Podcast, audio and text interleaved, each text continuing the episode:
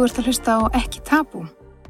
Ég heiti Sjana Rudd og ég er þáttarstjórnandi og umsjónumæður Ekki Tabú. Svona fyrir utan það að þá er ég tónlistar og listakona og er búin að gera ímislegt í gennum tíðina. Eh, ég er með þættina mína hérna á hlaðarpstöðinni Þú skiptir máli en það er einmitt forvarnar starf og er þau, já, meðal annars með e, þessa hlaðarpstöð. Talandi um forvarnir að þá uh, hendi ég mér svolítið uh, út í forvarnar umræði í síðustu þætti en þar uh, tók ég að mér að tala eins um kvíða og, mína persónulega reynslu að glýma við það frá ungum bartsaldri og las ég meðal annars reynslusjóður. Ég lofaði því í síðasta þætti að í þessum þætti skildi ég fá fagaðilega til minni í viðtal og ég gerði það. Ég eh, fekk ekki til minn, ég fór til hennar. ég sem sagt kíkti í heimsótt til eh, kvíða meðfrastöðunar og ég hérna, tók viðtal við hennar Tinnu Þorsteinsdóttur. Sjálfsögur fylgdi við öllum sótvarnarreglum og heldum tvekki metra fjallegð og notuðum grímur. Uh, og já, ég fór sérst í, tók viðtalan í, í skrifstofinni hennar en þar fórum við aðeins yfir kvíða, hvað kvíði er vorum bara svona léttunótanum og tengdi ég alveg við ótrúlega margt sem við tölum um og, og það sem hún nefndi um enginni og ímislegt annað. Og svo fórum við út í það uh, hver er þetta sækjum aðstóð, uh, hver svona fyrstu skrefin eru og ímislegt sem við rættum um sem er svona, já, smá svona tabú umræð sem við sínum fram á er alls ekki tabú, þarf ekki vera það. En endilega, komdu þér vel fyrir og njóttu. Sæl og ertu velkomin í ekki tabú, vilt kannski þess kynna þig? Sæl, takk fyrir að bjóða mér. Hérna, já, ég heiti Tinna Þorstensdóttir og er sálfræðingur á kvíðamöðferðstöðinni. Eh, já, ég er búin að vera já, starfandi og svona í tengslum í kvíðamöðferðstöðina í, já, rétt rúm tíu ár. Já. Um, mentaði mér sem sagt fyrst í háskólanum í Íslandi tók B.A. þar og fór síðan til Árás í Danmarku og tók kannsugráðin eða mestrargráði þar og, og e, fór síðan inn á kvíða með fyrir stöðina sem svona, svona hvað kallar maður þetta, svona internship Já, staða ok. og var þá hérna nemi hérna og síðan hérna eftir útskipt í Danmarku þá farið ég með aðeins um set og, og uh, flyttið til Svíþjóðar starfaði þar síðan á heilsugæslunum tíma og svo bara lág leiðin aftur heim og þá var þetta eiginlega svolítið bara automatist að banka upp á kvíðamöðfarstöðuna því það lág áhugin Ok, skemmtilega að segja. finnst þér já, þetta byrður. Uh, já, getur þú kannski að líst svona kvíða, svona almennt? hvað kvíði er um, sko kvíði er stuttum alveg sagt tilfinning Mm -hmm. þetta er ekkert annað en tilfinning við um, þetta er svona partur af okkar tilfinningamengi ef svo má segja það er að segja mannskepnunar um, og, og hérna hann er svona við tölum stundum um svona jákvæðar og neikvæðar tilfinningar stundum hlutlausar og við myndum svona setja þess að kannski í neikvæðaflokkin Ok. Og við finnum rosalega sterkar, missterkar auðvitað eftir því hvað það er sem er að tröfla okkur. En við getum fundið svona mjög líkamlega fyrir honum. Og það lýsir sér þá kannski svona það sem flestir kannast við kannski aukin hjarsláttur eða þungur hjarsláttur fáum svona einhverja óþæginda tilfinning í magan, við finnum fyrir hýta kannski og stundum kulda. E, getum við að fara að skjálfa aðeins og, og svona fáum svona spagettilegs eins og, og amerikanin segir. Um, já þannig að þetta er svona stutt á útgáðan af því hvað kvíði er. Kvíði eins og ég var að segja er tilfinning og tilfinningar hafa svona ákveði notagildi. Þetta er rauninni ekkert annað en upplýsingar. Um, það er að segja e, þetta gefur okkur til kynna hvað okkur er að finnast um aðstæðna sem við erum í eða hvað það er, hvað er að gerast í kringum okkur er þetta er svona eins konar túlkun okkar á því sem er að gerast. Og það sem er að gerast getur auðvitað verið hérna í yttir umhverjum okkar en það getur líka bara verið að við erum hugsað að pæla í ykkur og þá er þetta rauninni viðbröð við því.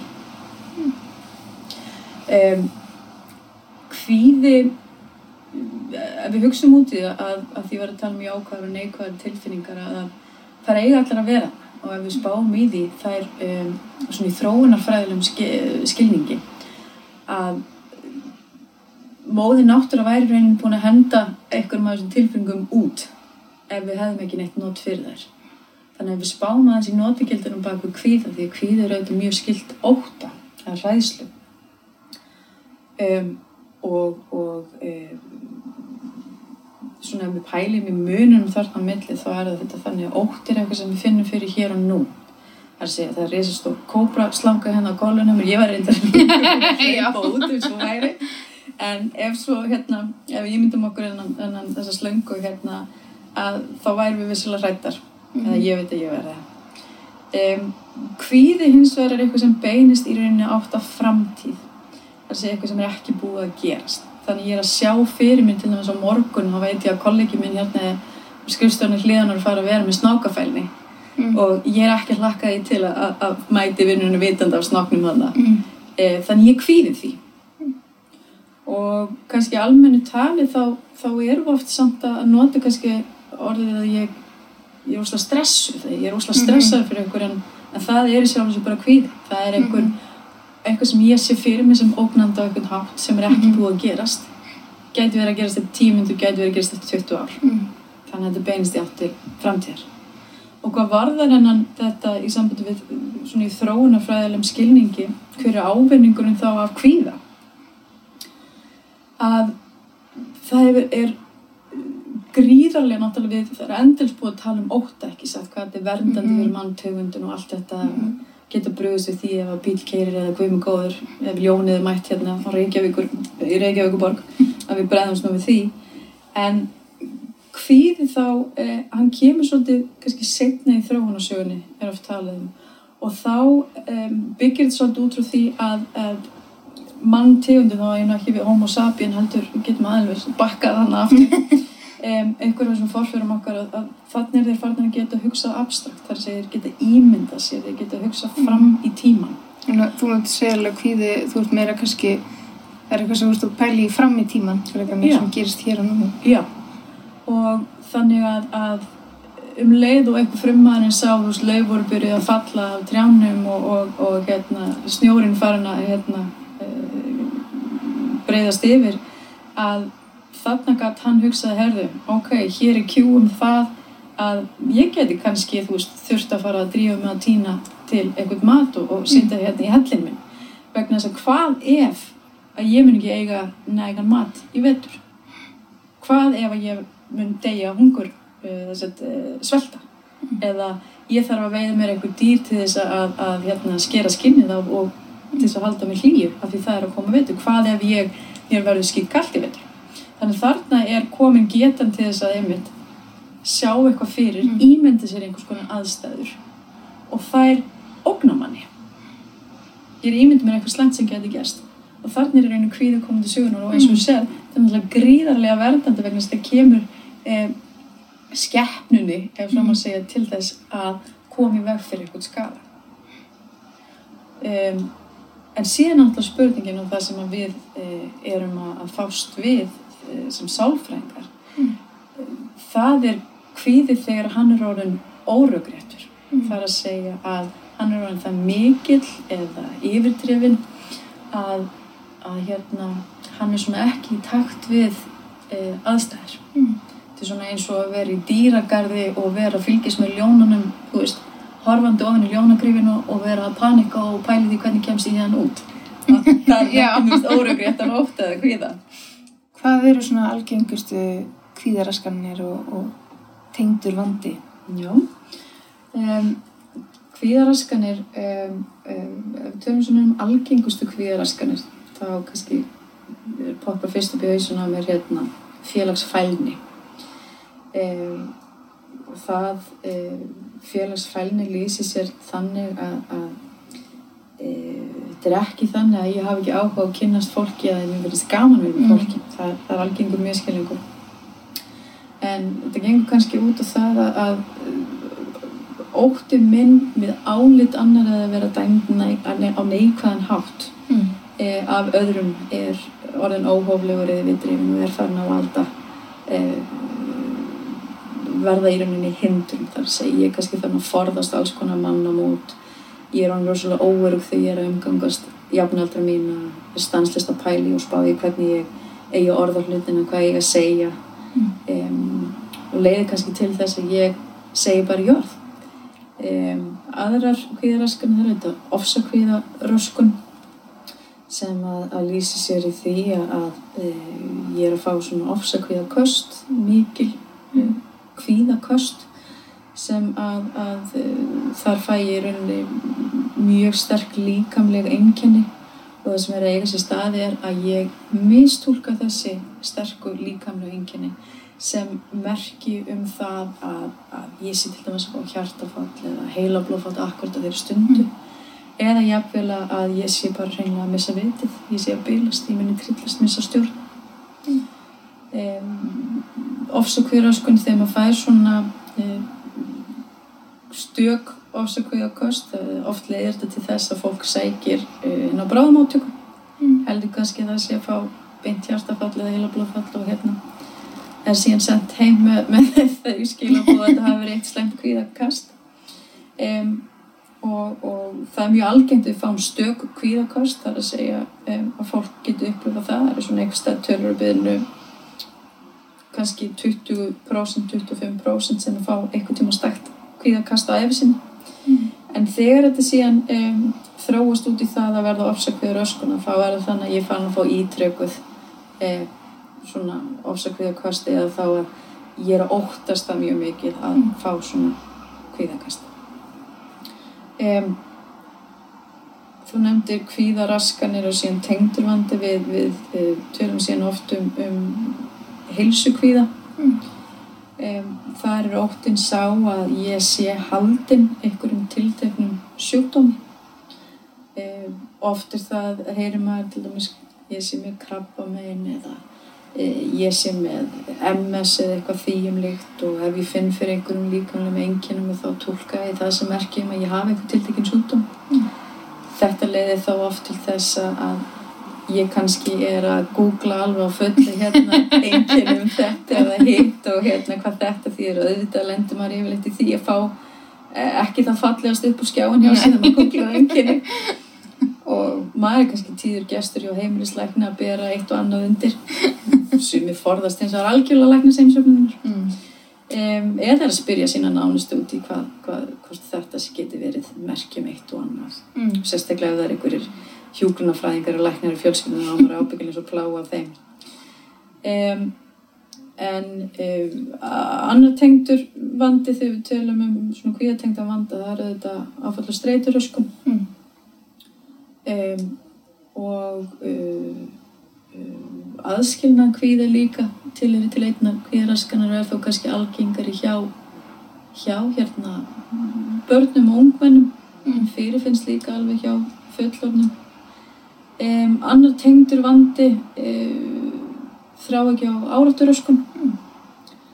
og þar er það er oft svolítið svona falin uh, röskun af því að innihaldið í þráhugsunum, þar segir þráhugsunum þetta eru svona óþegilar áleiknar ásagnar um, uh, hugsanir stundum er það í myndrænu formu geta líka verið kvatir sem að sækja á okkur og hérna valda okkur mjög miklum óþægndum og oft, oftar en ekki kvíða um, innihald í þráhugsunum getur allt verið frá því að, að hérna maður er óttast það að smitast af, af HVV Mm. uh, yfir í það að maður gæti mögulega kannski skadað aðra og jafnvel svona hugmyndir eins og bara borð við það gæti ég verið barnan í ykkur Mm. bara hvað ef ég er barnan í ykkur getur Mm. skoðs upp um, kollin og innihaldi er auðvitað þess efnis að þetta er einhvern veginn eitthvað sem maður tekur alls ekki sjensin á að Mm. fara og hugsa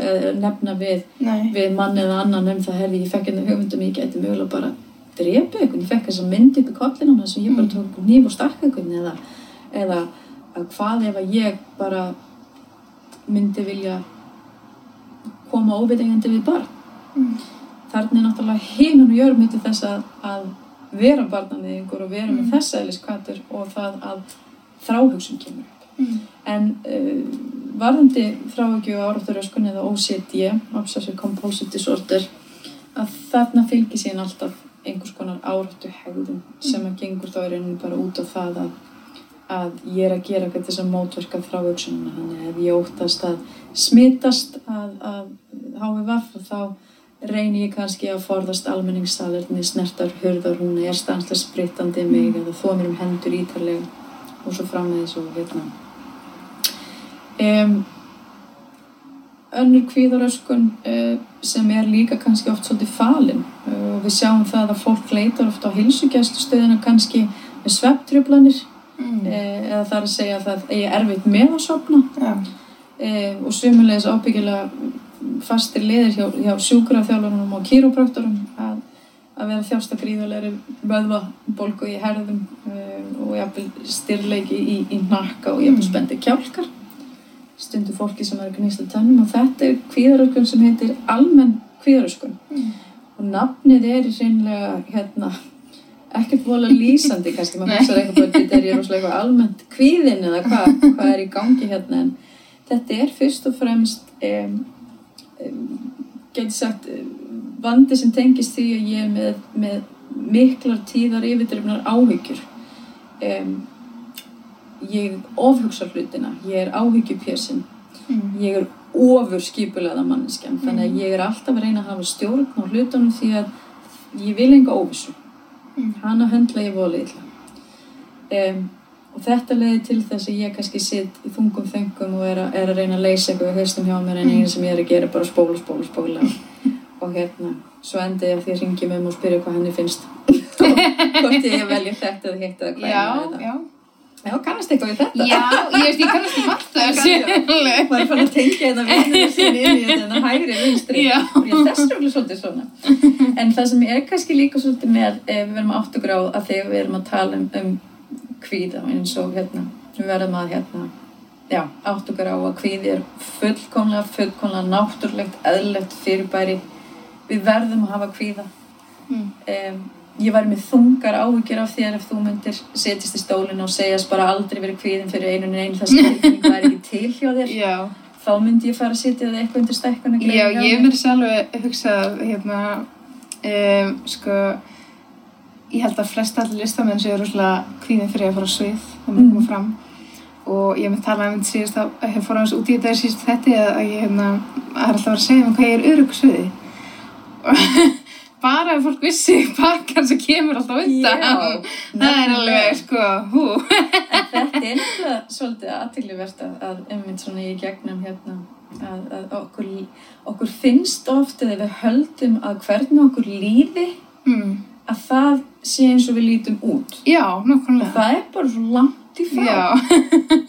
Það kemst maður stundum skemmtilega, skemmtilega hérna að. Já, líka einmitt sérstaklega að maður er að koma fram, maður er svo vanur kannski að koma fram, maður fattar ekki hvað mann, mann er tekst að, fela þetta vel. Nei, og svo er það líka og fer algjörlega eftir í hvers eðlis kvíðin mann segir að ef maður er í hlutverki Mm. að þá er maður kannski poll rálegur en þegar þetta kemur að persónu, ef manns eigin persónu Mm. Að þá fer maður að skjálfa Já. þannig annarkort er verið að dæma mig sem persónuna Mm. eða er verið að dæma mig sem fagaðilam Mm og þannig getur bara skipt sköpum um hvort maður fara að skjálfa beinunum eða ekki Já. Um, en varðandi kvíða og kvíða raskanir, mér finnst þetta, ef því eins og segja, þetta er svo, þetta er svo ofbúaslega eðlileg og náttúruleg tilfinning sem á bara að vera hana.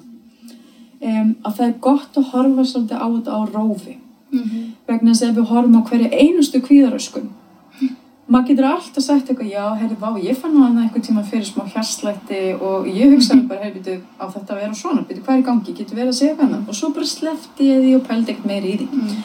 eða þá að ég hafi eitthvað tíman verið óverð, verið að fara á date eða eitthvað Mhm. partí eða eitthvað svona sem verið bara eitthvað, uff maður, hverju verða þarna? Í hverju á ég að vera?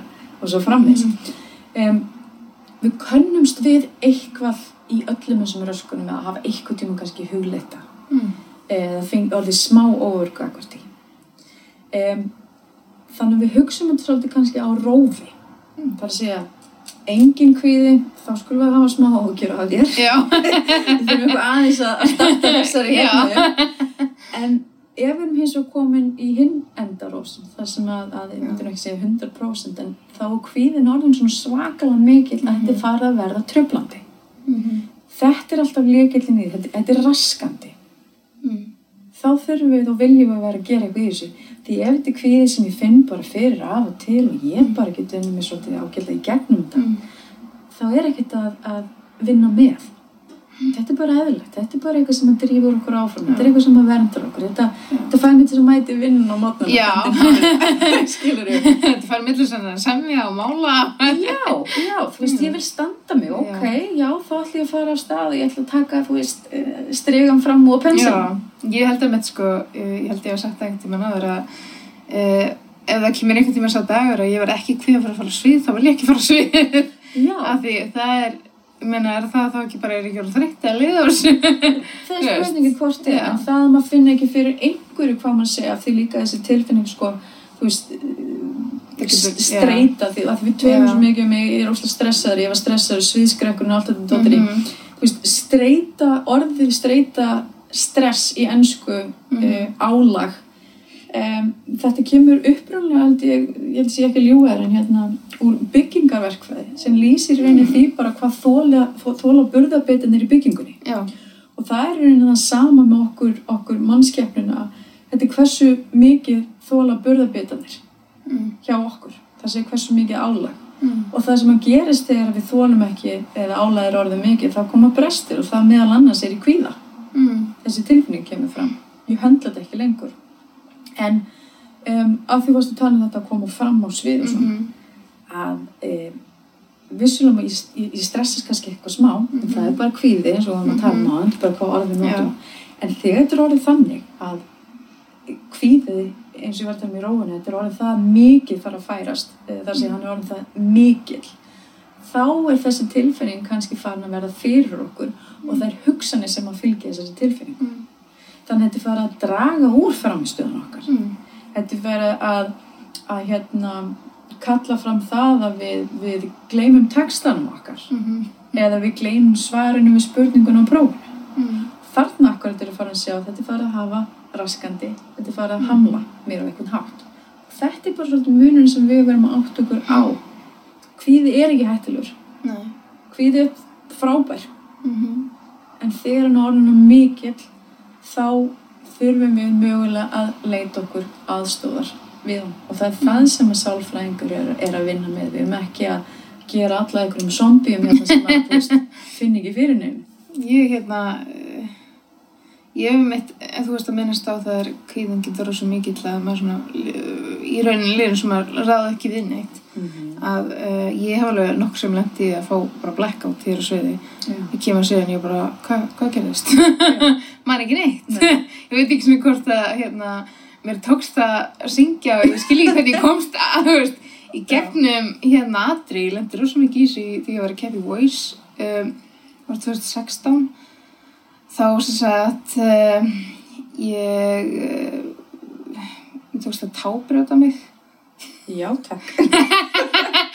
og ég hérna, og það var að segja mig að þú er, hérna, vilt ekki bara vera í, hérna, þú veist, einhver svona íþróttaskóm ég ekki, nei, ég er ekkert að fara í íþróttaskóm í sjónvarpinu, þannig ég leti mig hafa og ég leti mig bara hafa og fór í 10 cm hæla og Vá. og fór bara svið og, og, og hérna ég veit ekki, þú veist, ég glemdi mér þess að sásakunum í fætinum Já. og ég glemdi bara öllu ég, hérna, ég man ekki sem hvað gerist í seðinu, ég man ekki að dómarinn sagði neitt og Já. svo fór ég að seðinu og aðeins bara svona áttum að hlutunum þá var bara, þú veist, sláandi verkur í fætinum Já.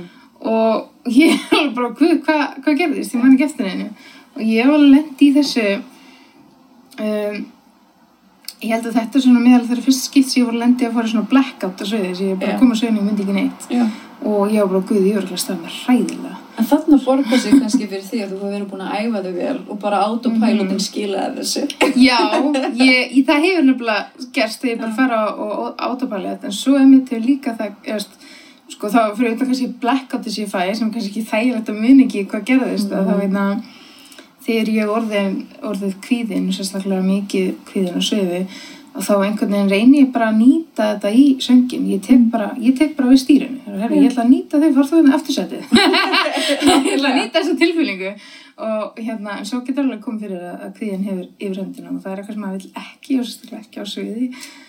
Eh, en hérna, ég er svo betur fer bara 7.13 hef Mhm. alltaf náða að redda mig frá hot eh, en já, þetta er samt svona óþægilegt að vita því ég er svona dottið útstundum og ekki muna neitt Já. það er svona, já, eins og bara einhver annar hefur verið við, við stýrinu, Já, sko það er bara blackout. Það er margir sem lýsa Já. þessu bara svo allt einu bara ranga við þessu komnir, út af sviðinu og bara maður er eitt og svo hafa verið frýningar sem ég vil ekkert verið uh, kannski kvíðin er spennt fyrir, jú, kannski smá spenningur en ekki smikið og vanalega mm. þá fæ ég svona spennufall alltaf eftir á Já. Þetta er svo misjátt Mm. mm. já, En þetta er líka svolítið áhugavert sko að, að þú veist ef við pælum í, í þessu viðbreyði að við getum verið að fara í rússíbana já, og einn getur verið að, að bara drepast úr hræðslu mm. og hann er stanslist náttúrulega með aðteglina á hver ógnin er og hann náttúrulega Mhm. heldur að veist, hann muni degi í þessum rússíbana hann mun Mm. skjótast af teinan og Já. veit ekki hvað game og... Ná, já, ef svo hátt hérna. en þarna er allir fókusun á hver mögulega hætta mm. veist, hann er kannski að telja hvað þetta tekur langar uh, margar sekundur að fara í gegnum rætið Mm. og hvað sé skynsalast að vera og hvort að öryggisbúnaðin sé ekki alveg örugur og fylgist Mm. með starfsfólkinu svo leys og þessi manneskja, hún er að finna fyrir hérslættinum og hún er að finna fyrir gnútnum í maganum og farin að svona ofanda svolítið sína manneskja við hliðan á og hún er að finna fyrir nákvæmlega sömu einkennum, þar sem Mm. líkamlegu einkennum hún er með hjársláttun, hún er með fyrringin í maganum.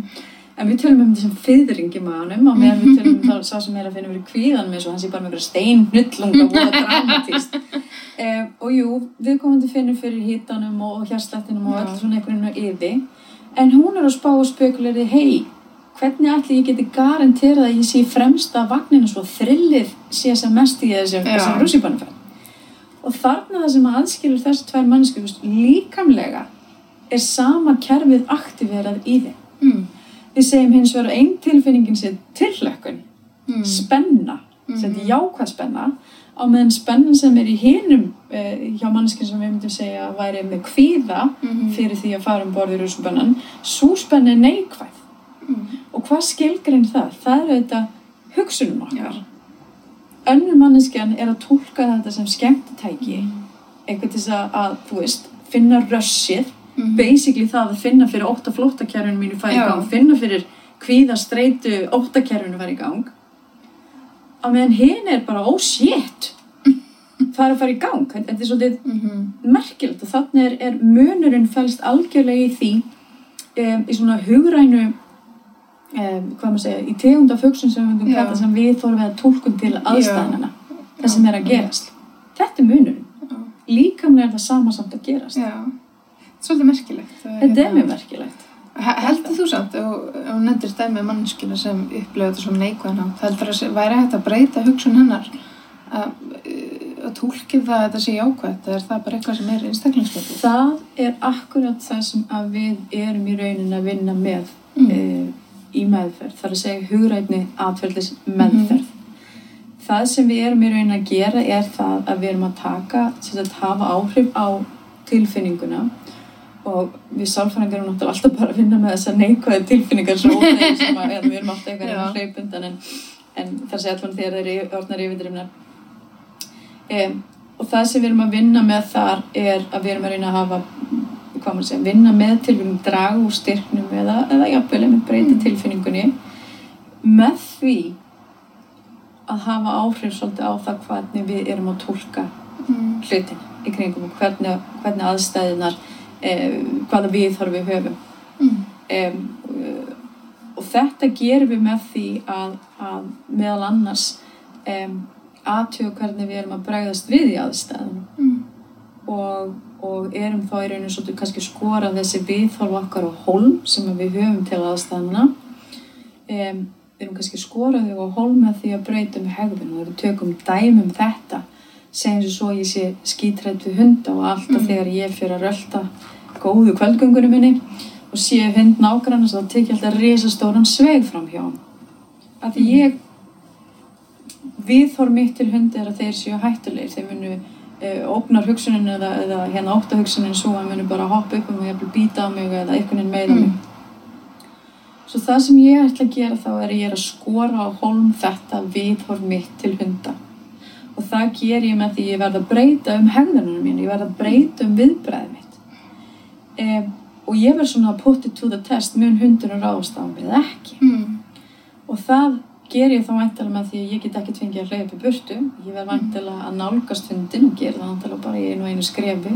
Svo leifi ég hundunum kannski aðeins að þefa mér og svo er ég fann að klappa hundunum. Mm. Svo þarna er ég að fá nýjar upplýsingar, ekki satt, með því að hafa Mhm. skorað þetta Já. viðform mitt og hólman, þá fæ ég nýjar upplýsingar Mm. sem eru á skjön við það sem þegar var fyrir, ekki satt. Mm. Og þetta þá mögulega breytir viðhorfi mínu til hunda og svo ég tala ekki um ef ég held sína áfram og fer og, og ja, testa inn á svega fleiri hundategundir og svo leis. Um, og þetta er það sem hefur þá kannski leiðréttandi, uh, leiðréttir þetta fyrra viðhorfi mitt eða, eða uh, stuðlar að breytingum á viðhorfum Mm. sem aftur þá, ef ég sé hund, þá aktiverast ekki við, þá Mm. aktiverast bara nýja viðhorfi mitt Mm. ekki þetta gamla hundar séu hættulegir og búm, ég er ekki sætt Mm. Svolítið, já, merkilegt. Ég hef mitt, hérna, þetta eru enginni sem líka hef mitt e, í yllinarskólanum með í, í hérna, hjá áfallstætturarskólanum minni. mm Það er þessi forðun og ég held að það sé Já. svolítið nátengt kvíðanum að ef maður hrættu við eitthvað, maður vil forðast það. Já. Og svo er þetta bara oft, það er náttúrulega mísamt, en það er oft þannig að það sem er kannski hrættu við, maður er svo kannski að svolítið mikla fyrir sér þú veist, stæðan fyrir að bara þóra bara að takast á það og svo bara sjá, þú veist en það er akkurat það sem er við, við kvíða mm -hmm. um, að, að um, kvíði er, eins og segja, þetta getur verið drífandi það er að Mhm. segja eins og með frummannin, þú veist, hann sá að löfum voru farin að falla og hann hugsaði, Mhm. herðu, ég gæti bara mm, svelt af því það verði engin dýr hérna Mhm. eða, eða mér verður kallt og svo Mhm. framhegis og hann leggur á stað og hann framkvæmir Mm hann situr ekki í hellinum sínum og er að hugsa út í þetta Nei. gæti virkilega verið þannig að ég myndi svelta og það væri alveg ábyggilega skelfilegt ef ég myndi svelta og baka allt hungrir það er nefnilega munum sko, ég get fundið kvíðan og hann getur verið drífandi, Mm. komið mér af stað Já.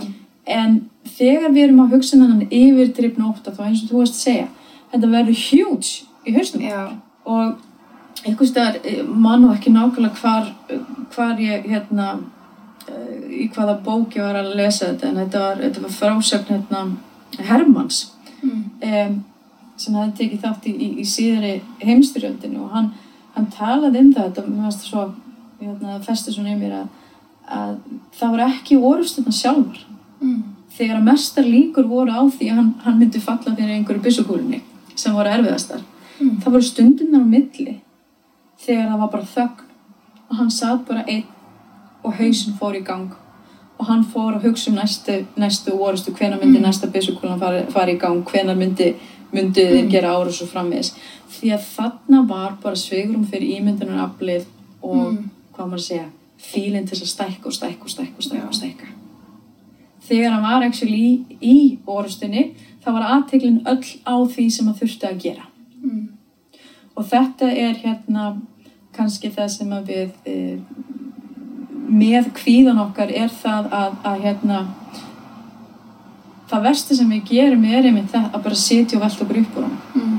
hann mun bara stækka þetta er svolítið svona eins og hérna gömlu gremlingsmyndan, þú veist, ekki hella vatni á og hitta gísma, plöp, plöp, plöp þetta er kannski svolítið þannig Mm. Myndið þú segja að kvíði eða enginn hans eru langverandi? þetta er góð spurning Eh, það fer algjörlega eftir í hvað við erum að tala um Mm -hmm. enn og aftur, kvíði er bara eðlilegt fyrirbæri ég get fengið kvíða tilfinningu og svo hann bara farin mm. af því að ég er svona að þeirra, slakað á, skilur, þetta er ekki neitt neitt um, og þar með þetta mjög varar enn mjög stöfnum tíma ekki satt? Kvíð og kvíða tilfinningin þar að segja stundum hefur fólk ágjur til dæmis af því að það geti fest sig í kvíðanum.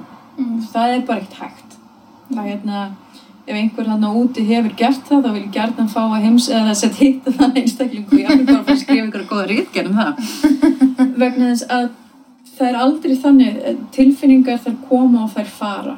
Mm. um, þær hins vegar geta verið þannig að þær getur verið missterkar og þegar okkur líður eins og við sem algjörlega föst í einhvern kvíða eða í einhverju tilfinningu þá er hún aldrei í, ef við horfum á þetta frá skalan 0 til 100 þá er hún aldrei 100% Nei. stanslust.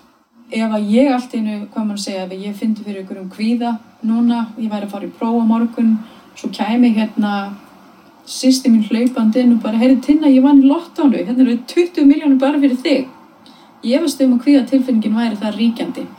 það myndi pottið koma ný tilfinning sem tækja hans yfir, en kvíðin gæti sín komið aftur. Já. Og þar með af því við erum líka, þú veist, við erum svo óbúslega fókusur á það að losna alltaf við þessar neikvæði, Mhm. eða þess að ma maður áhegilega ekki að tala um þessar neikvæði tilfinningar, Mhm. en, en hérna, þessar sem við upplifum sem óþægilegar, líkamlega Já. óþægilegar og neikvæði tilfinningarnar þar eru oft mjög líkamlegar, mm Mhm. reyðir rosalega sterk líkamleg, mm Mhm. samviskupið, skömm, þetta eru rosalega Mhm. líkamlegar sterkar tilfinningar. Þannig er kvíði langvarandi, kvíða tilfinningin, það er mis, hún, hún er mislengi til staðar en hún er aldrei bara þannig að hún er stöðug, hún sveiflast Mm. og við erum aldrei föst í henni kvíð og kvíða vandamál já, það getur verið langvinnu vandi ef að maður heldur ekki rétt á málum þar að segja að maður sækir sér ekki aðstóð Mm. stundum er það þannig að, að til dæmis um, maður getur verið feimin og kannski hlétræður í aftur myndum að skilgrínast með eh, uppfylla greininga við myndum það að vera haldin félagsfælni þegar maður er 17-18 ára Mm. og svo án þess að það sé nokkuð eh, inngripa fagaðla þá rjáttlast þetta einhvern veginn af manni Mm. með einhvers konar reynslu en stundum er þetta bara alveg pekk fast Mm. og já langvinni vandi getur svo sannlega verið og ég meina maður hefur verið eitt fólk sem er búið að vera með þrá ekki árataröskun í tíu ára ofsökviðaröskun í tíu ára Mm. e, og allt er þetta bara háð því hvort að fólk e, leiti sér aðstöðar eður ei Og heldur að það komi kannski meir út frá áföllum? Eða af hverju heldur að það sé? e, þessi langvinni vandi Já. Það er bara hreinlega vegna þess að, að þetta er í rauninni við getum hugsað uh, líkt þessu kannski saman með það segjum svo svo að ég myndi brjóta með fótinn. Mm. uh, brýta mér öklan eða eitthvað. Og það sem ég geri er að ég leita mér ekki aðstofar ég fyrir ekki upp á bráðulega taka mynd og smetla mér í Mm. gifs eða hvað eina eða, eða sitja brotið saman. Heldur ég held áfram bara að lappa á þessu ég reynir svona að komast í gegnum þetta og jú, ég haldra aðeins ég fann að beita líkamann mín með aðeins öðru og svo framvegis Mm. þannig meinið er alltaf að þetta er staðar Mm. þannig ég kom í langvinnan vanda ekki sett Já. svo að þegar að kemur af því að hvort að áföll hafi áhrif á málið Mm. þá þarf bara ekkert að hafa með það að gera ég geti verið með félagsfælin og það hefur ekkert með eitt einasta áfall að Mm. gera það gerist ekki neitt fyrir mig Mm. Um, ég var ekki lögð í einelti ég var ekki fyrir einhverju erfiðri lífsreynslu og eins með ofsakværi sko, ekkert endilega áfalla tengt og við væri hægt að færa rauk fyrir því að það er ákveð Já. áfall að fá áfall Já. í kasti Já. um, þrá ekki áratur sko. ekkert með áfall að gera endilega en stundum getum við séð samt Mhm. að það er áfallana sem hefur uh, hrundið þess að staðin það er alls ekki eitthvað sem þarf að vera til staðar eða stýr því hvort að vandin sé þetta langvinni verið, geti þetta verið genetíst eitthvað sem uh, mm, Sko, um, já, um, það eru svona, hvað maður að segja, vísinda hefur, hefur ekki og, og mun líklast aldrei geta að svara þessari Mm. spurningum með fullvissu en þegar talað er um kvíða og ástæða þess að kvíði þróast, Mm. þá sjáum við það að það er einhver erfaþáttur í þessu. Mm. Hversu stóran er, getum ekki svarað til um það, þá sjáum við það að það er ekki endilega þannig að einhver tiltekin kvíðaröskun eða kvíðatengdur vandi erfist. Mm. Um, heldur er það svona tilneying til kvíða. Mm. Tilneying til þess að þróa með sér kvíðaröskun eða, eða að mm, koma til með að þurfa að takast á við einhvern kvíðatengda vanda. Sömu leiðis er það að það er segja umhverfistátturinn. Hann kannski stýrir því frekar til um, um hvort að ég um, þarf að segja hvers eðlis kvíðaröskunin er en þarf ekki að vera það. En við sjáum til dæmis að, að, að eh, ef að kannski móður, eh, einhver, einhver svona í nánasta umhverfi er með einhverja tiltekna kvíðariskun Mm. að þá stundum svona innan svega smitast hún áfram þar að segja við pikkum þetta upp það er nefnilega Já. málið ef að, ef að mamma kannski gerir alltaf rosalega mikið eða pappi veður út af því um leið og ég hnerra að er bara mælinin flóin á loft og þú veist alltaf að mæla hitan á mér og þú veist mátt ekki fara í skólan það er verið að dúða þetta allir inn og mátt ekki hreyfa það svoleiðis. Þá er verið að senda mér skilabóðin herðu, wow, þegar ég fæ svona kvef þá er kannski eitthvað meira aftur hættilegt inn í gangi. Mm. og vá, hún fyrir með mig til læknis líka hvað skipt sem fyrir kvef. Þá er ég smám saman að fara að pikka upp. Hmm, þetta er eitthvað hættulegt. Já, ég sá um eitt hérna einhvern tíman frekar áhugaverða pælingu uh, um, og, og var eitthvað að tala um móður sína. Alltaf skildi aldrei af hverju hún var með svona leilegt uh, sjálfsmátt já, og en var svo oft vitna mömmu sinni uh, tala illa við sjálf sig. Já, svo fatt að hún bara þá hún fullan herri, já, ég, ég bara lærði þetta af mömmu. Ég sá hann að gera þetta alltaf, mér finnst þetta bara eðlilega hlutur. Já. og hérna, og þetta kannski, já kannski spila svolítið inn í heldur betur, ég meina við, ef við hugsum um, um okkur, ég meina við, við í hann heim og, og við erum með hann heila þetta mm. Ótrúlega líffæri okkar sem að, að er svolítið svona eins og strípuð tölva. Þar að segja að Mm. þú oftar að henda allir draslin inn í þetta. Svo einum að fá vörð til þess að virka.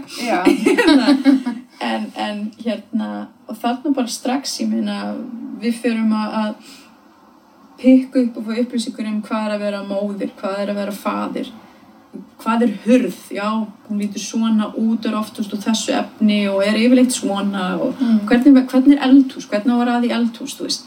Um, ég man alltaf eftir í hérna þú veist, einhvern tíman í, í svona það, hvað maður að segja, þetta er svona það fáa sem ég man á sálfræðabókunum í mínum bachelornáminu að það, að það hérna að bara, það er ekki sjálfgefið með hvernig maður ræðar í eldhús, það var eitthvað svona frumbyggja ættbálkur eitthvað staðar í Ástralíu eða þar í kring uh, þeim höfanum sem að, sko, hann myndi ræða kartöflu skrælanum hjá kartöflunum mm. sem á okkur hérna í vestrænum heim myndi finnst bara alveg gjössanlega fáránlegt en þetta er bara þeirra heimur, þau eru alveg Mm. mm. uppið þetta og setur verkværin hjá þeim hlutum sem þú fórst að nota við Mm. mm. við erum bara neini, þú setja þetta verkværin saman Mm.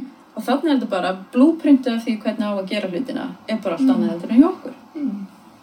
en það sem ég var að tala um þarna í samband við, við fænust með hann heila þetta líffæri, það er bara stansast í mótum og það er stanslust að myndast tauga tengingar í heilanum um hvernig heimurinn er hver ég er, hver þú ert hverjir aðrir eru. Er heimurinn hættulegur eða hann vingjallegur og, og hvernig um, um, hver er ég? Er ég klár, er ég skemmtileg, er ég dugleg eða á ég, er ég ekki nógu góð? Mm. um, ræði ég ekki við hlutina? Mm. Þetta er allt bara sem prentast inn í okkur. Um, bara þarna frá upphæðin. Það er ekki að sama og segja við getum alltaf kent með um og pappa um allt. Þá væri búið þægilegt segja bara ég er svona af því að Nei. um, máli er bara að um, vissulega er það þeir sem standa okkur næst sem hafa kannski fyrstum sinn mest áhrifun á okkur. Mm. en fljótlega erum við farin í leikskóla. Mm. og þá er það orðnar um, leikskóla kennararnir og svo fljótt grunnskóla þá eru jafnaldrarnir kennararnir þar og íþróttaþjálfarar eða frændsískin og svo framvið sem eru orðnir áhrifaldnir og svo auðvitað náttúrulega bara Instagram og hvað ekki. Já, sérstaklega í dag, kannski því ég maður var að sjá, veist, 10 til 11 ára komið bönna á Instagram og TikTok og allir þessu og Já, ég hugsaði bara eins og feina fengi mér Facebook seint og, og hérna, það hafi ekki verið alveg svona þráma því að lítil. nákvæmlega. Að hérna, fengi svona aðeins að, já, það er svo mikil áreitni í allir þessu. Já, og líka bara ef við hugsim um heiminn sem við búum við í dag, þú veist, það, um, um, það er, það er alveg svolítið og átta til þess að Mm. selja okkur hluti. Mm Ég meina, maður er að sjá, þú veist, sex ára krakka verið að koma með síma. mm. Það gerist ekkert fyrir mig þegar ég var lítil, það var alveg heil kynnslóð sem var símalaus og heilu kynnslóðin var Mhm. verið símalausar. Af hverju þurfa alltaf litli krakkar síma? Mm Og það er bara, hvað ef það gerist eitthvað núna? Já. þá vissara að það sé þetta öryggistæki. En svo er einmitt svint sem er ekki alltaf hægt að fyrirbyggja. Þú veist, maður getur ekki alltaf spáð fram í, í tíman og, já, Alls nei. ekki og við getum í rauninu bara ef, ef við myndum ef við myndum geta mælta þetta var reynda mjög forvitilegt ef þetta virkilega væri einhvern tímann hægt, ef tæknin einhvern tímann eru til, að við myndum geta bara skráð hversu oft við erum að gíska á hlutina, við erum eitthvað kvíða, einhverja kvíða fyrir einhverju í Mm. framtíðinni, hversu oft það gerist ekki, hversu miklum tíma við erum búin að eyða í haustum á okkur en að ímynda okkur eitthvað sem gæti mjög gerst eða sjá fyrir okkur eitthvað. Ég held að við varum í bullandi tapi svona frá hagfræðilegu Mm. sjónarhorni. Af hverju heldur þú að það sé svo mikil ótti í kringu kvíða? Vá, góð spurning. Þessi ótt og flóttakerfi, eins og sé, það, það sem er eigast í stað hvort sem við erum að finna fyrir hræðslu eða kvíða. Þetta er activation eða acti, hérna, rising af sama kerfinu. Mm. Og þetta kerfi er innbyggt inn í fjöldan allan af lífurum. Ég meina við sjáum hunda verða hrætta, ekki sagt, við sjáum fíla verða hrætta, við sjáum jafnvel skortir forða sér skilur hvort sem að þau finnir kannski ekki endilega tilfinningun eða ég veit það ekki. En þetta er innbyggt inn í okkur og þetta tilir að það er alltaf verið að tala um hérna, þetta er eðlu heilin, gamli heilin, hvað svo sem er. Þetta er allan svo heili sem að mann, tegundin og, og forverur okkar eru búin að vera með í, í 20.000 ára og, og líklegast fiskurinn sem skreiður búið land. Það sem að gerist þegar að okkur er ógnað þá er það þúlkunin svo að það sé líffræðilega að vera að ógna okkur þar að segja enda líf okkar Mm -hmm. enda tilvist þessar lífuru. Og þarna tekur bara við kerfi, automatist kerfi sem þú hefur enga stjórn á. Það bara kviknar við öðrum bjöllinni og við forðum okkur eða fyrir í slag. Það er þetta fight or flight viðbræðið ofta mm. flóttu kerfi. Þannig að, að þetta er bara innbyggði mekanismi segir okkur að forða okkur að hlaupa í burtu. Það er hins vegar orðið þannig að, að þannig að þegar ég finn fyrir kvíða þá er nákvæmlega sama kerfi að fara í gang. Það er verið að segja mér að koma mér í burtu því að ég sé í hættu. Málið bara hættan er búin að breytast. Þú veist, núna er þetta yfirmaðurinn sem að kannski að taka mig á teppi fyrir að hafa ekki flutt fyrirlesturinn á vel eða eitthvað skilur eða þú veist, allir klósetpappirinn að klárast í fyrstu bylgi COVID skilur Þannig ógnin er búin að breytast en kerfið er alltaf það sama. Svo auðvitað er þetta, þú veist að þú varst að tala um af hverju erum við, ekki rétt mun að þú varst að tala um af hverju við værum í raunin hrætt við þetta kerfi. Jú.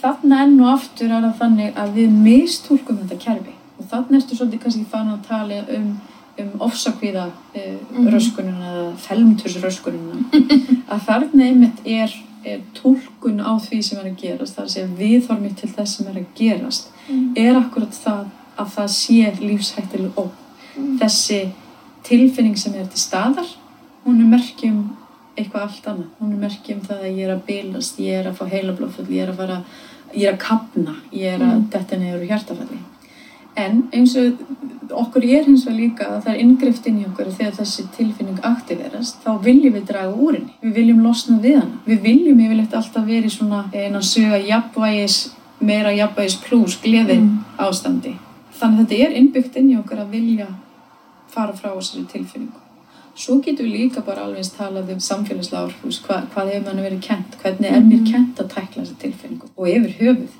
hefur mann eitthvað tíma verið kent Eh, núna sjáum við kannski að er einhver hreyfingan á skólan að það er Mhm. fræðsla meira um, um tilfinningar Mhm. og sumulegis þessar uh, neikvæðu óþægilegu tilfinningar.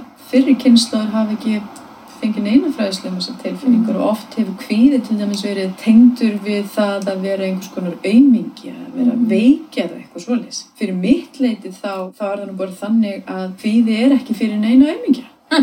þú getur ekki verið aumingi ef þú þarfst að þóla við þessari tilfinningu að vera með. Já. Þetta er, þetta er hardcore. Mm. Þannig erum við að glíma við mjög frumstætt eða hvað maður segja, einu svona frum tilfinningu. Er að segja þessi og flotta uh, kerfið og, og, og og tilfinningin. Svo ég sl- sletti nú eða, já, veist, þetta er ekki fyrir neitt sissi. Nei. Þetta er bara hardcore lið sem er, að, er að, að, þú veist, er með þessa tilfinningu. Gangandi Já. í gegnum, sko, eh, lífið tilveruna eh, með þessa tilfinningu í bakbókan. Þetta er hardcore. Já, samla þau sko. Er það ekki. Nei, jú. Þannig að það er ekkert mál að komast í gegnum lífi og finna ekki fyrir þessar tilfinningar. Já, þú veist, þarna er maður að fara í aðstæðinir þú hendandi þér upp á Mm. svið með þessa tilfinningu. Mm. Það henda manni svolítið út í típuleguna bara. Bara. Hvernig svo sem orðum það? Já. Þú veist, hardcore. Það er þetta Já, já, já, maður Já, það. er það bara því að þetta er, þarna er bara hver einasta taugafrömmur að segja taktin til Mm. fótana en hún fer samt og hún er alltaf til staðar. Ég held að með sko, eh, því að tala um að tíðin hafi íðilegt fyrir mig jafn mikið og hann hefur veist, hjálpa mér. Það er með þetta, að ég hef sagt við fólk einmitt, eins og myndist á hana, ef, ég er með kvíða eitthvað svona, þá vil það meina það að ég bara losa mig við það. En eins og þú nefndir, það er ekki alltaf neikvægt. Og ég til að sé holdt að vera með smá kvíða að maður fyrir á svið. Er kannski munur því að fá kannski blackout og, og, er og allt þetta. Nei, Nei. En hérna, já, ég held að kvíðin allan að mér, sko, veist, að sjálfsögðu er alveg skemmt eitthvað fyrir mér, en Mm. á sama tíma, þú veist, já, það er haldið mér svolítið brá á fótum og ég mitt, ég getur með allar þessar eðstar sem búin að gá gegnum það, er svolítið bara í mér. Skemmtilega orðað. En það ég er bara svolítið bara, já, Já. gert getur. Það, það getur nefnilega gert það og þannig áttu komið að mununum sko, er þetta vandi, er þetta ekki vandi? Mm. Og þannig aftur horfa á þetta á þessu rófi þegar kvíðin er þetta mikill að hann er farin að trubla, hann er farin að raska, hann er farin að vera hindrun Mm. hann er farin að valda mér verulegri vanlíðan. Þá er ástæði til þess að gera Mhm. eitthvað við þessu. Já. En ef þetta er, þetta er það að ég, ég finn fyrir smá, eh, smá, eh, hvað maður segja, kvíða eh, fyrir prófi og það sem að gerist er að það, það hvetur mig þá til þess að setjast niður og læra. Þá er þetta gaglegt tæki, ekki satt? Þá er þetta Mhm. bara eitthvað sem að virkilega, hvað maður segja, er mjög til framdráttar. Mm. En þetta er þannig að mér kvíði fyrir prófinu og ég fer og sest niður til þess að reyna rómi niður og fer að að eyða óhóflegum, og notabene Mm. óhóflegum tími í skipulagið. Fer sína að hafa áhyggjur af skipulaginu hvort það sé nógu skotælt. Já.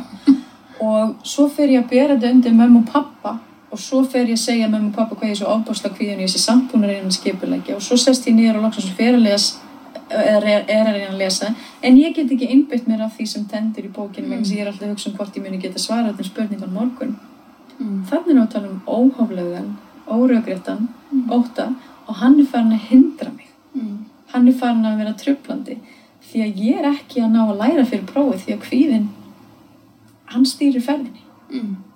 hann er búin að taka allar stjórnumar í fyrra dæminu, þá fann ég fyrir kvíðanum ég hlustaði, já og ég settist í og fór að læra Mm. ég sat ekki í kvíðanum, ég sat ekki á minn, ég var ekki í því að pæla og spá eitthvað svo hrikalegt Mm. að dyrði og ég forðaðist heldur ekki ég skellti mér í það að læra Mm. við erum svo oft í því að forðast uh, reyna að draga úr koma í veg fyrir Mm. þar að segja uh, þegar kemur á kvíðanum í staðan fyrir að mætunum Mm. og oft er það líka bara þannig að við ráðleggjum öðrum veist, já ég er ógislega kvíðin fyrir því að þú veist, fara í partíið eða Mm. hitta þennan og þá að segja getur ekki bara slefti? Mm. og hérna og við bara eitthvað, jú, ó, endilega og um leið fyrir kvíðina því við erum búin að losa okkur við, við hættina Mm. en þetta er akkurat það sem að við höldum kvíða Mm.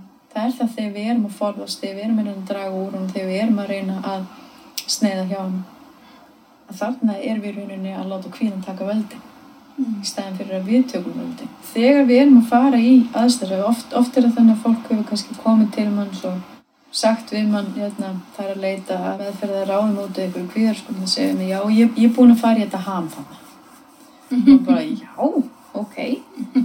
Eh, ég er búin að prófa að fara í aðstæðnur og, og svona og þetta virkar ekki neitt. Það óttar fólk sig ofta ekki á því að þetta er ekki bara spurning um hegðunina mína eins og vorum að tala um í sambandi við hundin ég forðast hundin, ég Mhm. hleyp frá hundin þetta hefur með hugan okkar líka að gera það er að segja viðbröðin okkar í huganum ég get reynt að hughrista sjálfum mig draga úr kvíða þannig með því að segja, þetta er alltaf lægi klappaði bara hundinum, hann býtur örugglega ekki neitt. Menn þessi sálfræðingur væri aldrei að fara með því hundafælni meðferð nema það væri örgulega mjög góður hundur. Þetta er alltaf lægi Mm. þarna er ég farin að hughrista sjálfa mig. Ég farin að að draga úr ógninni.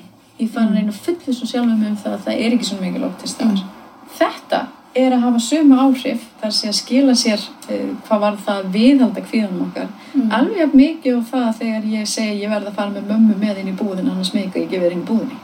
Eða ég ætla að forðast hundin eða þetta verður má bara vera mjög lítill hundur. Hvenar ámennleits aðstofar og hvað er fyrstu skrifin? maður á að, að leita sér aðstóðar ég held að um leið og svo spurning kannski bankar upp á á ég að vera að leita mig til aðstóðar er ég að finna fyrir mjög miklum kvíða? Mm. þá ertu bara með spurningar sem að er bara verðt að hérna, leggja fyrir fag aðila Mm. þar að segja að maður fari þá kannski og fá svolítið greiningu á því hvort að þetta sé uppfyll ykkur greininga við með eða hvort að hérna hægt sé að leysa úr þessu að aðstofa fólki með, með Mm. einum eða öðrum hætti það að, það að ég sé að velta þessu fyrir mig segja mér bara það að þetta er farið að hafa einhver tripland ár Mm. eh, og þess vegna segi ég ef þessi hugsun er fann að banka upp og þá er það alveg þessi verðið að leggja það þá fyrir fagað hvað varðar fyrstu skref hvað á ég að gera þegar ég finn fyrir því að kvíði er kannski eitthvað sem farið að vera trubla, trublandi að þá er um, það er þetta hilsugæslan sem algengur eða algengt fyrsta stopp og hafa samband þá, þá við þá og fá tíma í hægimlisleikni en, en síðan er það þetta þannig að þar eru sálfræðingur auðvitað líka komnir inn. Síðan er það auðvitað einhverjarnar stofur eða, eða sálfræðingar á eigin vegum eins og hér kviðamafurstöðum mm Mhm. einhver eigin stofa. Hinga geta allir í rauninni sendt inn bara beðni með uh, símtalið í tölvupóstu og fengið þá uh, viðtali á sálfræðingi fyrstum sinn eða fyrstu, fyrstu skrifun eða fyrstu viðtölinn ganga mynd út á það að maður er að kortleggja eða greina vandan, fá sem skýrasta mynd af honum Mhm. og í framhaldi af því þá er hægt að ræða hvers konar meðferðarúrræði henda þessum tiltekna vanda. Mm. Um, þetta er svona fyrstu skrifun. Síðan er auðvitað um, úrræðinan háskólana. Mm. Þeir hafa búið upp á, á sálfræði viðtöl sem eru þó oft í tengslum, eða sem sagt þeir sem eru í sálfræði deildónum, eru í, í kandidats, eða kandsvíknáminu, eru þá að veita þessi viðtöl. Það er það að leita þanga líka. Síðan er það líka bara þessi fræðsla, það er að segja geðhelsa.is eða hugrún. Það er að leita sér ímessa e, upplýsinga um kvíð og kvíðatengdan vanda og andlega vanda. Þannig það eru, er þetta banku upp á mörgum stöð. Mm Það er margt í búði. Það er margt í búið. Það er held ég eitthvað sem margir kannski áttar sig ekki á. Að Nei. finnst það eins og sé ekki margt í búði en ég held bara Já. oft er fólk kannski leita vill sem stuð. Já, ég held sko að, að maður veit ekki hvert, hvar, hvar, hvað maður segja, ég held samt sem áður að, að við í samfélaginu erum ekkert alltaf upplýst Nei, um hvað er rétti fagaðurinn og hvað Já, ekki. Eh, hverjir eiga sinna sálgæslu meðferð og Mhm. hverjir ekki, hverjir meiga sinna meðferð, hverjir meiga telja sér sérfræðing og svo framvegis að, að Mhm. þetta er eitthvað sem að í rauninu bara fólki sem búið að fara í gegn námið hefur kannski Já, að já. höndum. Ég myndi hafa allavega sem svona þumurputtareglu að uh, og núna uh, er þetta ekki meiningin að ég sé eitthvað að útúða aðra stjættir eða neitt þannig heldur þetta er frábært fólk innan allra stjætta en þegar Mhm. kemur að þessum málum þá viljum við hafa mannesku sem er mentuð á þessu sviði. Að þú sérst semst í rauninni að, að leita þér að, uh, aðstóðar hjá fagaðila sem að hefur þessa löggildingu og hefur reynsluna og hefur réttindi til þess að vera að uh, vinna með þessa hluti og hvað varðar til dæmis að því núna er talað um hugræna atvillis meðferð um, þetta er meðferðarform sem að, að rannsóknir og ekki bara einhver einn rannsókn við erum að tala um því líka þungan af, af Mm. rannsóknum sýnir að gagnast hvað best e, þegar kemur að kvíða röskunum og kvíða tengdum vanda e, öðrum- eða lindisröskum þunglindi Mm. e, og öðrum vanda, svepp vanda, röskunum og svo framvegis. En það er ekki endilega þetta hendi öllum. Það er ekki endilega sjálfgefið þó svo að við vitum að þetta sé kannski að, að flestir sem að svara þessari meðferð. Mm. Og þess vegna er hún þetta kannski fyrsta stoppistöðun okkar. Og í raun er hugrann atfyllis meðferð um, og enn og aftur þetta er alltaf bundi hvers eðlisvandin er, hver greiningin er. Því þú vorst að tala um PTSD, núna Mhm. vitum við að við erum með tvennskonar svona ham-basiraða Mhm. meðferð og svo erum við EMDR tveir skólar ef svo maður segja en Mhm. við erum að sjá mjög góðan árangur af báðum þessum tegundum Mm. en hvað varðar uh, hamið þetta er ekki eitthvað sem að kannski hendar öllum en við sjáum að þetta er það sem að er árangursríkasta sem fyrsta stopp Mm. og mesta svörun er þarna ef þetta er rétt útvært við erum Mm. líka aðtöfa það að því eins og ég segi ham er ekki bara ham Eitthvað sem þú vilt beina þeirra sem kannski eru að uh, gleyma við svona yfirgræfandi kvíða og vanlíðan en bara þóra ekki að skammast síðan að leita til fæðaðala. Mm. Sko, það eru, það eru margar leiði til þess að, að kannski nálgast loka markmið sem væri þá að, að leita sér aðstáð hjá fagaðala. Skynsalansta er það að auka innsægi inn í vandan. Það er að segja að læra að skilja um hvað vandinn snýst. Stundum getum við gert þetta sjálf bara með því að fræða okkur. Um, alls konar sjálfsjálfabækur eða fræðbækur sem að eru þá um, um kvíða eða þunglindi eða hvaða eins og sem við erum að, hérna, að vinna með. Þannig að fyrst og fremst þessi fræðsla, e, auka einsæð. Síðan er þetta þetta að, að opna á þetta við eitthvað tröstan að við kringum okkur. Að ræða þetta við, við viðkomandi. Og leita svolítið kannski eftir kvartningunni þaðan að, að þóra að taka stökkið. Mm. Þetta er smá svona, maður að segja, þetta er eins og við erum búin að ræða í sambandi við kvíða. Ástæðan fyrir því að hverju ég hef ekki sambandi er út af kvíða. Ég er alveg Mm. ágjörð því hvað, hvað þetta, hérna, ég sé opna okkar eða eitthvað fréttist eða hvað eina. Þessi forðin er yfirleitt bara ein byrtingamynda af vandanum mínu. Það er líka hægt að byrja ef maður er í mikill, mikill, mikill forðin. Að núna er búið til dæmis upp á alls konar fjárþjónustu þegar kemur Mm. að sálfræðingum. Það er að panta sér tíma án þess að maður þurfa að mæta á skrifstofuna Mm. hjá viðkomandi og það getur verið svona byrjunar þátti til þess að brjóta sér svona úr skelinni til þess að fá það aðstóð til þess að maður eh, sem maður þarf til þess að þá taka næsta skrif sem væri þá að mæta á staðin Mm. Sumurleis er það líka þannig, ég meina að sumir eru með það alvarlega vanda þegar ég eru kannski svolítið bundnir við heimili sitt. En eins og um, ég veit allavega að við gerum hérna á kviðmöðfröstuðinu að þá förum við mætum skjólstæðum um það sem hann er og ef það þýðir að við þurfum að fara heim til viðkomandi eða fara búið esjuna, þá gerum við það. Mm. Og ég veit að það eru margir sálfræðingar, ekki bara bundi hérna við kviðmöðfröstuðinu sem að gera þetta. Þetta er ekki alltaf bara hérna innan uh, fjögra veggja Mm. sem við erum að vinna. E, myndur þú segja að e, kvíði sé meira tabú hjá kallmennum? Það sem að, að, að maður hugsar til uh, greininga á Mm. kvíðaröskunum, um, þá hallar á annað kynið. Mm -hmm. Uh, hvað var þar flestan uh, kvíðavanda eða kvíðatengdanvanda. Auðvitað er undantekningu þar á. En, uh, og það hallar mjög smikið en það er svona tilning til þess að konu séu frekar að greinast með Mm. kvíðatengdanvanda eða, eða kvíðaröskanir. Ástæðan sem er þar á baki um, það er eitthvað hvað maður að segja við getum eiginlega ekki, ekki uh, fullirt neitt en, en hérna annars verður talað um og það sé bara stittra í þetta hjá okkur Mm. e, bara af náttúrunar hendi Mm. síðan hefur líka verið talað um þetta af því hún nefnir tabú Mm. að konur þær leita sér frekar aðstóðar Mm. og það er og hefur verið kannski svona samfélagslega samþyktara konur að ræða tilfinningar og konur megi sína innan svega veikari tilfinningar, viðkvæmari og allt þetta. Mm. Þannig tabú, já, ég held að, að það hefur bara verið erfiðara og innan svega hættulegra fyrir kallmenn að vera að opna sig um þetta af ótta Mhm. kannski við það að fá á sig eitthvað svona aumingja stimpil, Mhm. vælu stimpil eða eitthvað svoleiðis en það sem að dáir svolítið að eða uh, og sér hjá yngri kynslaðum er að þetta er að breytast Mm. Og það er frábært að sjá fólk sem er í sviðsljósunu Mm. tónlistafólk, listamenn um, íþróttafólkið okkar Mm. koma og ræða þessi mál. Mm. því að þetta uh, normalísera hlutina svo fyrir okkur. Því þetta er út um allt.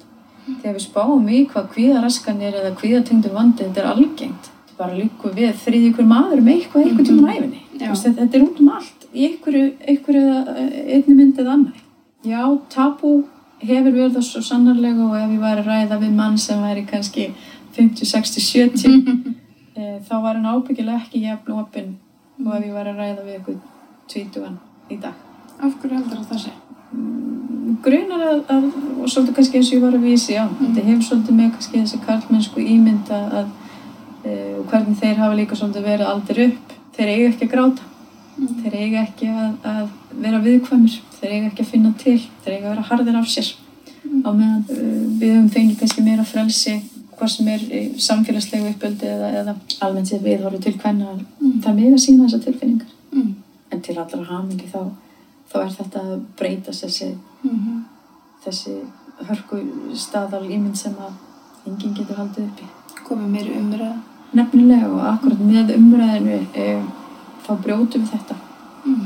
er að segja það að, að karlmenn eru alveg með tilfinningar eins og, eins og, og mega svo sannlega og mega gráta og mega fá að finna fyrir hvið og, og, og hérna um, já þetta er að breytast Já. Um, finnst þér hvíði vera tabú að einhverju leiti? Nei, finnst það ekki vera tabú Mhm. um, enn og aftur, þetta er alltaf háð kynnslóðum Mm -hmm. Og ef við horfum á, á set, elstu kynnslóðunar þarna erum við að, að, að horfa á fólk sem var kannski alveg upp við það að allt sem tengdist andlegum andlegum hérna málefnum um, þetta er eitthvað sem átti að fela Mm. þetta átti ekki að ræða og fjölskyldur bara þau- þetta var þakka niður ef einhver var, var þurfti að lenda inn á geðdeild eða ja. var að taka inn geðlif eða eitthvað svona, þetta var alltaf eitthvað til að skamma sín fyrir. Dæin í dag er, það er bara verið að brjóta þetta niður. Þessi hugmynd um, um það uh, geðveiki sem eitthvað svona stórt rosalega tryllingsorð eins og þetta sé einhver partur af personunni Mm. þetta er að breytast þetta viðþorf, þetta eru þetta eru veikindi, þetta er eins og við, við fyrirkefum allt svona alla líkamlega sjúkdóma og það hefur ekkert með personun að gera ef hann er með krabba minn en um leið þetta er eitthvað andlegt þá, þá tengjum við þetta miklu meira pers við personun Mm -hmm. en við verðum bara að sjá það að, að rétt eins og manneska sem greinist kannski með krabba einhverja tegunda krabba hún er ekki krabba sitt. Alveg eins og ef ég myndi greinast með ofsakvíðaröskun, ég er ekki ofsakvíðaröskunin Mm -hmm. ég er með ofsakvíðaröskun rétt eins og ég er með síkusíki ég er með brotna tá. Og við þurfum að vera að setja þetta í þetta samhengi um, þegar í þessari umræðu. Og eins þetta með um, tabú.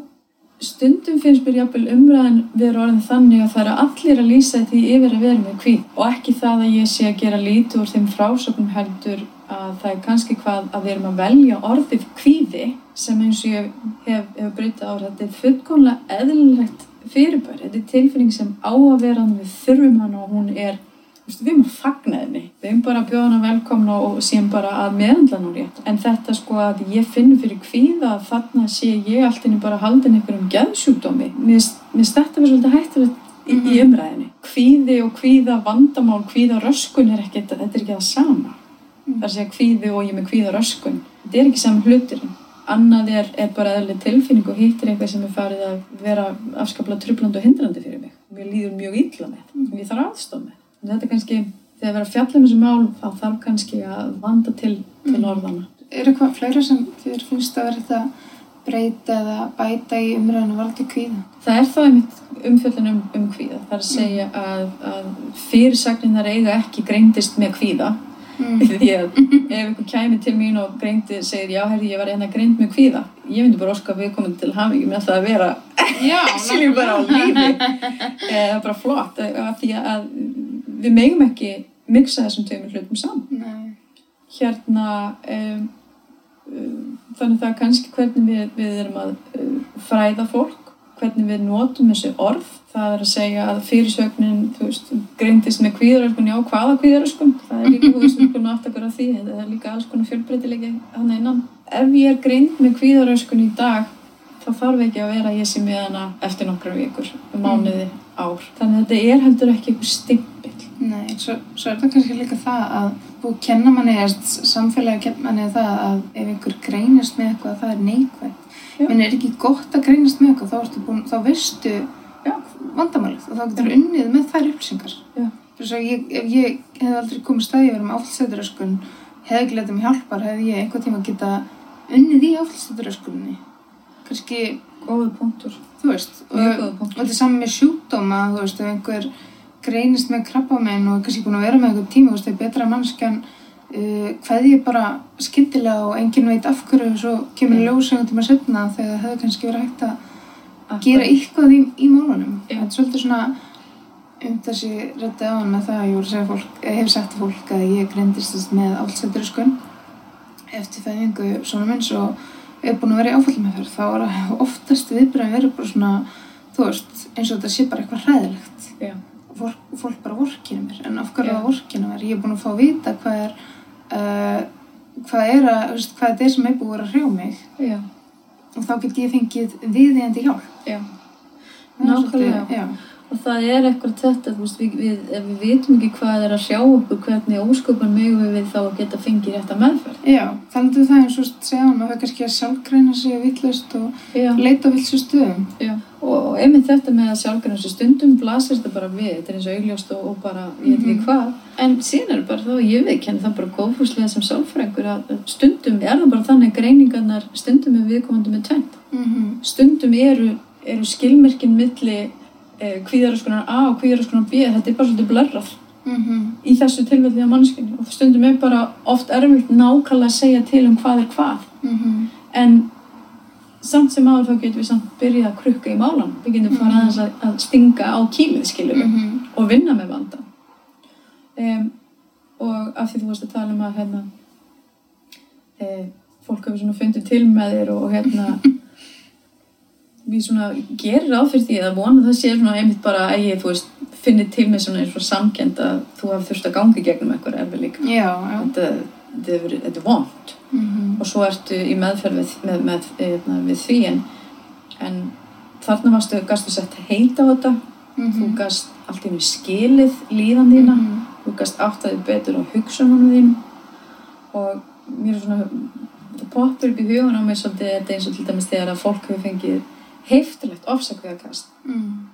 og endað inn á kannski bráðumáttöku og þau kannski segja bara, hefði þú hérna, búið að gera alls konar hérna, e, rannsóknar og skellar í hjartalínur ég veit ekki hvað og hvað Mm. og neðastan þeirri er að þetta hefur bara verið heftaleg hérna, heftalegt ofsakveðakast og það kemur ynga og fólkið sest niður og maður fer svona að ræða við það og maður fer að kortleggja vandan og svo útskýrir maður hvað var að gerast í líkamannu bara út frá þessu ótta flóttakerfi.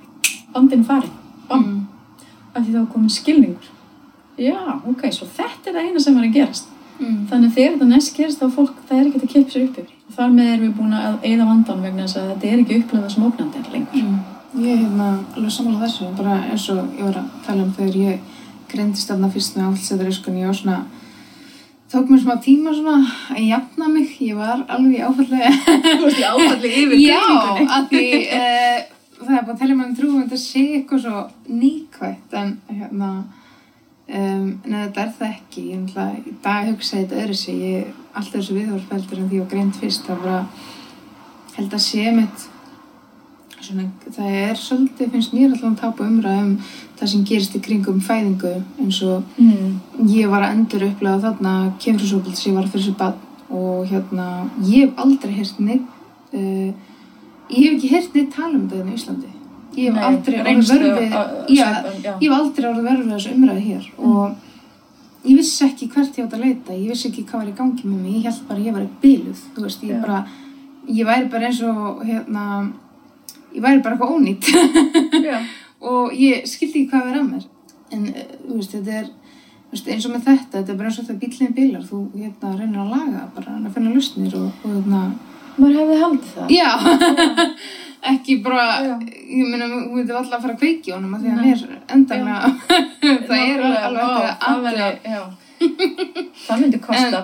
Já, hérna, nei, en hérna, þetta er samt svolítið að þú, að þú varst að tala með þess að neikvæðu upplifun þetta er kannski svolítið að þegar við erum að koma með eitthvað svona greiningu, eitthvað stimpil mm. er svona eins og að sé eitthvað að okkur Mm ég kýsa að líta á þetta svolítið frekar bara þetta eru vandamál Mhm. sama hvað heiti við, við gefum þeim og, og hérna að á einum tímapunkti uppfyllir, þetta greininga um, þetta en árið Mhm. 1980 þá var það ekki Mhm. skilur þetta, þetta breytir svo mikið líka hvernig við greinum hlutina það sem að skiptir megin máli er það er vandi Mhm.